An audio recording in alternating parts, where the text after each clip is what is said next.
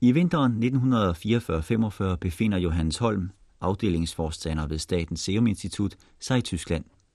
Det nazistiske regime er ved at krakelere, det kan selv Gestapo-cheferne se. De bliver lidt mere medgørlige, der er mulighed for at hente de danske og norske koncentrationslejrefanger hjem. Johannes Holm er medlem af det hemmelige danske hjælpekorps, der skal tage sig af den opgave.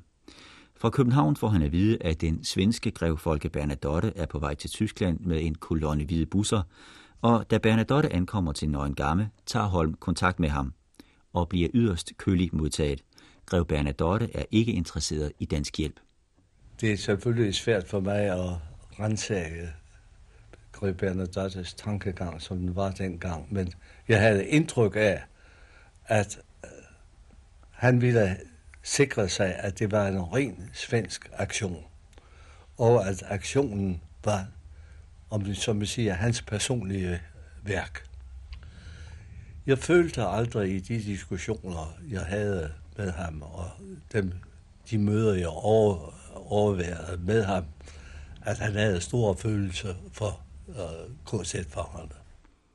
Johannes Holm giver ikke op, men taler med en anden svensk officer, Øverste Bjørk. Han er opbragt over et krav fra Gestapo. Det krav er, at svenskerne skal stille en bil med chauffør til rådighed for Gestapo. Det vil svenskerne ikke høre tale om. Og Johannes Holm ser en chance. Ja, jeg fortalte Bjørk, at jeg havde en bil, som jeg var chauffør for, og øh, at jeg godt kunne transportere Dr. Reinov, som denne Gestapo-officer hed, til Nøgengammer, hvis Øverste Bjørk ikke havde noget imod det. Og det sagde Øverste Bjørk straks til mig, at det havde han ikke noget med at gøre. Han havde ikke noget som helst med transport af Gestapo-officerer at gøre, så det måtte jeg selv bestemme. Og det bevirkede, at jeg blev præsenteret for første gang for Dr. Reiner, som optrådte i elegant Gestapo-officer og havde en rang af øh, uh, Obersturmbannführer. Det første indtryk, man fik af ham, var, at han var kold. Og uh, han kunne optræde meget koldt. I de forhandlinger, han, han var, og som jeg overværede med svenskerne, optrådte han uden at sige ret meget. Men når han sagde noget, så kom det næsten som ordre. Og det var ikke noget, der opfordrede til modsigelser.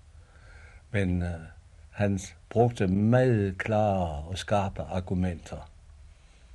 Hvad sagde han, da du kom og, og tilbød dig som chauffør? Det tog han imod med velvilje, og uh, jeg kørte ham straks til Nøgen Gamme og ventede på ham. Jeg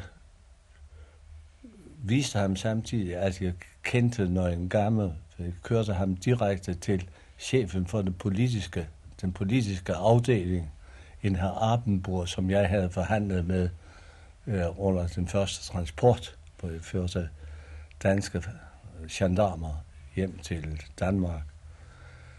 Og han øh, talte meget lidt på den tur, og jeg stillede selvfølgelig ikke noget spørgsmål. Jeg havde lært, at det er ikke noget, man gør over for højstående Gestapo-officerer. Hvad fik du ud af den køretur? Ja, indirekte fik jeg meget ud af den. I det nemlig samme aften kørte jeg ind til generalkonsulatet i Hamburg, hvorfra jeg kunne telefonere til Udenrigsministeriet i København. Og øh, aflagde beretning per telefon til Frans Vass i Udenrigsministeriet i København. Fortalte ham om, hvilken modtagelse vi havde fået af Bernadotte og også af Øverste Bjørk. Og fortalte ham samtidig, hvad jeg havde gjort med Dotter Reiner. Og der fik vi så ordre af Frans Vass til, at under de der forhold skulle jeg koncentrere mig om at tage mig af Dr. Renner.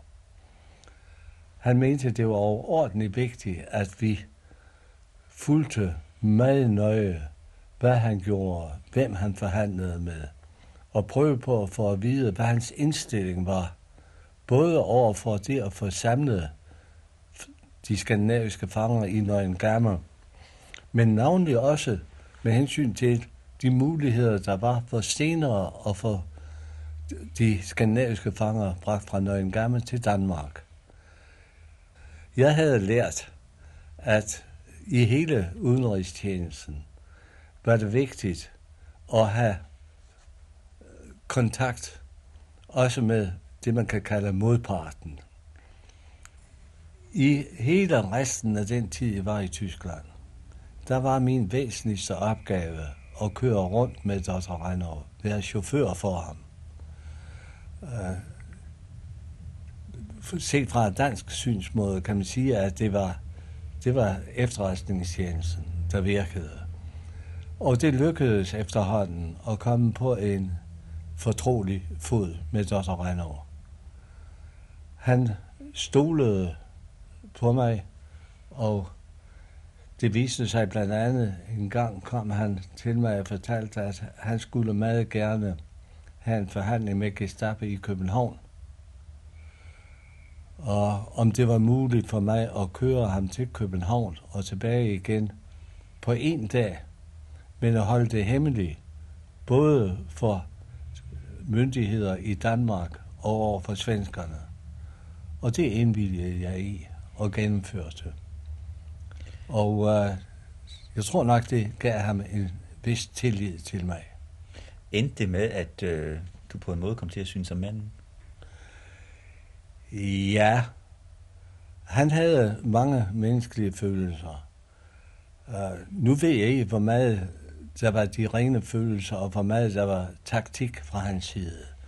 Fordi vi blev jo hurtigt klar over, at han, ligesom mange andre, kunne se, at Tyskland snart var ved at gå kaput og fik det, man plejer at kalde kolde fødder. Og derfor måtte gøre noget. Og det lå vel nok en hel del i hele hans optræden over for mig. Samtidig bevirkede hans venlige indstilling over for mig. Årsagen til det var måske hans forhold til svenskerne var meget dårligt. Og navnlig hans forhold til Bernadotte var umådeligt dårligt. Han stolede i på Bernadotte. Var det ikke øh, svært for dig at, at køre op gennem Danmark med en, en Gestapo-officer? Jeg tænker på at vise sig sammen med en Gestapo-officer i foråret 45? Jo, det var det, og det opdagede jeg blandt andet, da vi skulle over Storebælt på turen fra øh, Fyn til Sjælland. Spacerede jeg rundt med Dr. Renner og følte mig næsten lidt truet. Derfor, da vi tog turen tilbage, gik jeg straks op til kaptajnen og præsenterede både mig selv, og i det jeg viste med mit diplomatpas, og Dr. Reiner, og fortalte ham, hvorfor jeg kom derop. Og vi blev overordentligt venligt modtaget og fik vores middag serveret i hans kahyt. Men mens øh, du kørte rundt med Dr. Reiner, så begyndte vel Bernadottes øh, hjemtransporter? Ja, de begyndte. De var kommet derned med 36 busser og lastvogne og det hele. Og de begyndte straks, og de lavede omgående planer for, hvordan de skulle gøre det. Den ene afdeling på 12 busser blev sat til at transportere fangerne fra Sachsenhausen ved Berlin til Neuengamme. Der var i Sachsenhausen på det tidspunkt, jeg tror det var 2200 danskere og nordmænd. Og øh, hver transport med 12 busser kunne tage 350 fanger. Så der skulle seks ture til. Og det fik den ene afdeling ordre til og begyndte straks. Resten planlagde at tage til Sydtyskland samlet, altså 24 busser med hjælpevogne, under ledelse af Øverste Bjørk selv, for at tage fanger fra øh, Dachau og Malthausen og de andre store koncentrationslejre, der lå i Sydtyskland. Og muligvis også, hvis de kunne, fra nogle af fængslerne dernede og bringe dem op. Og de kørte hele tiden. En af vanskelighederne for dem, det var, at de havde ikke sørget for at få benzin med fra Sverige. Benzinen havde de sendt med damper til Lübeck, og det kom lidt sent. Og i det hele taget havde svenskerne ikke meget tid. Det var frivillige, der var, havde meldt sig fra militæret til den, dette Røde Kors detachement. Og planen var, at de skulle være tilbage i Stockholm 1. april. Og de kom først til Nøgengamme den 12. marts, så de havde kun tre uger til det hele. Lykkedes det for dem at samle alle fangerne i Nøgengamme? Da det var gået, da den kom til 1. april, så måtte halvdelen af svenske hjem. Den ene halvdel havde lovet som frivillige at blive endnu en måned i Tyskland, og fik lov til at beholde tilstrækkelig transport. Men på det tidspunkt, da de tog hjem, der havde de jo ikke samlet mere end nogle få tusinde af de 10-15.000, der skulle bringes til Nøgengammer. Så da man lavede planerne for resten, opdagede man, at det ville være meget svært at klare det. Desuden skulle der samles fanger fra fængslerne, og fængslerne lå spredt over hele Tyskland. Hvad gjorde man ved det? Jeg havde fået lov til at overvære øh, møderne med, med de øh, altså generalstabsbøderne med de svenske officerer.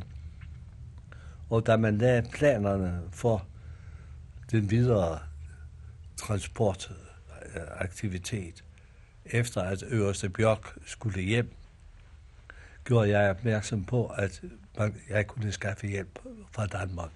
Hvad hjælp var det? Det var det, den hjælp, som man havde organiseret fra øh, departementchefs Koks kontor. Det er omtalt tidligere som det danske hjælpekorps. Det har jeg jo ikke fortalt svenskerne noget om og holdt det hemmeligt, men i et møde, hvor man da begyndte at lægge planerne for de videre transporter med det meget begrænsede svenske materiale, der var tilbage, gjorde jeg opmærksom på, at hvis jeg fik tilladelse til det fra Bernadotte, kunne jeg sørge for, at der var et stort antal danske busser i Frederiksruhe til transporterne. Men det blev afvist. Med hvilken begrundelse afviste man det?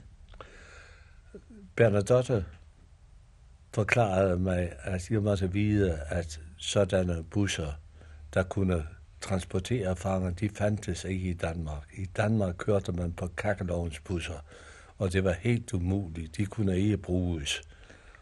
Jamen, kunne du ikke fortælle ham noget andet? Jeg fortalte ham, at vi havde brugt de samme kakkelovnsbusser til transporter, og det var gået meget godt. Og at vi desuden havde et stort antal ambulancer, der var benzindrevne. Og øh, jeg lovede ham, at i løbet af en, to, et, to døgn, kunne det være et stort øh, antal både busser og ambulancer i Frederiksru til hjælp til transporterne. Tog han imod det tilbud? Ikke i første omgang. Og han afviste det ovenikøbet meget stærkt.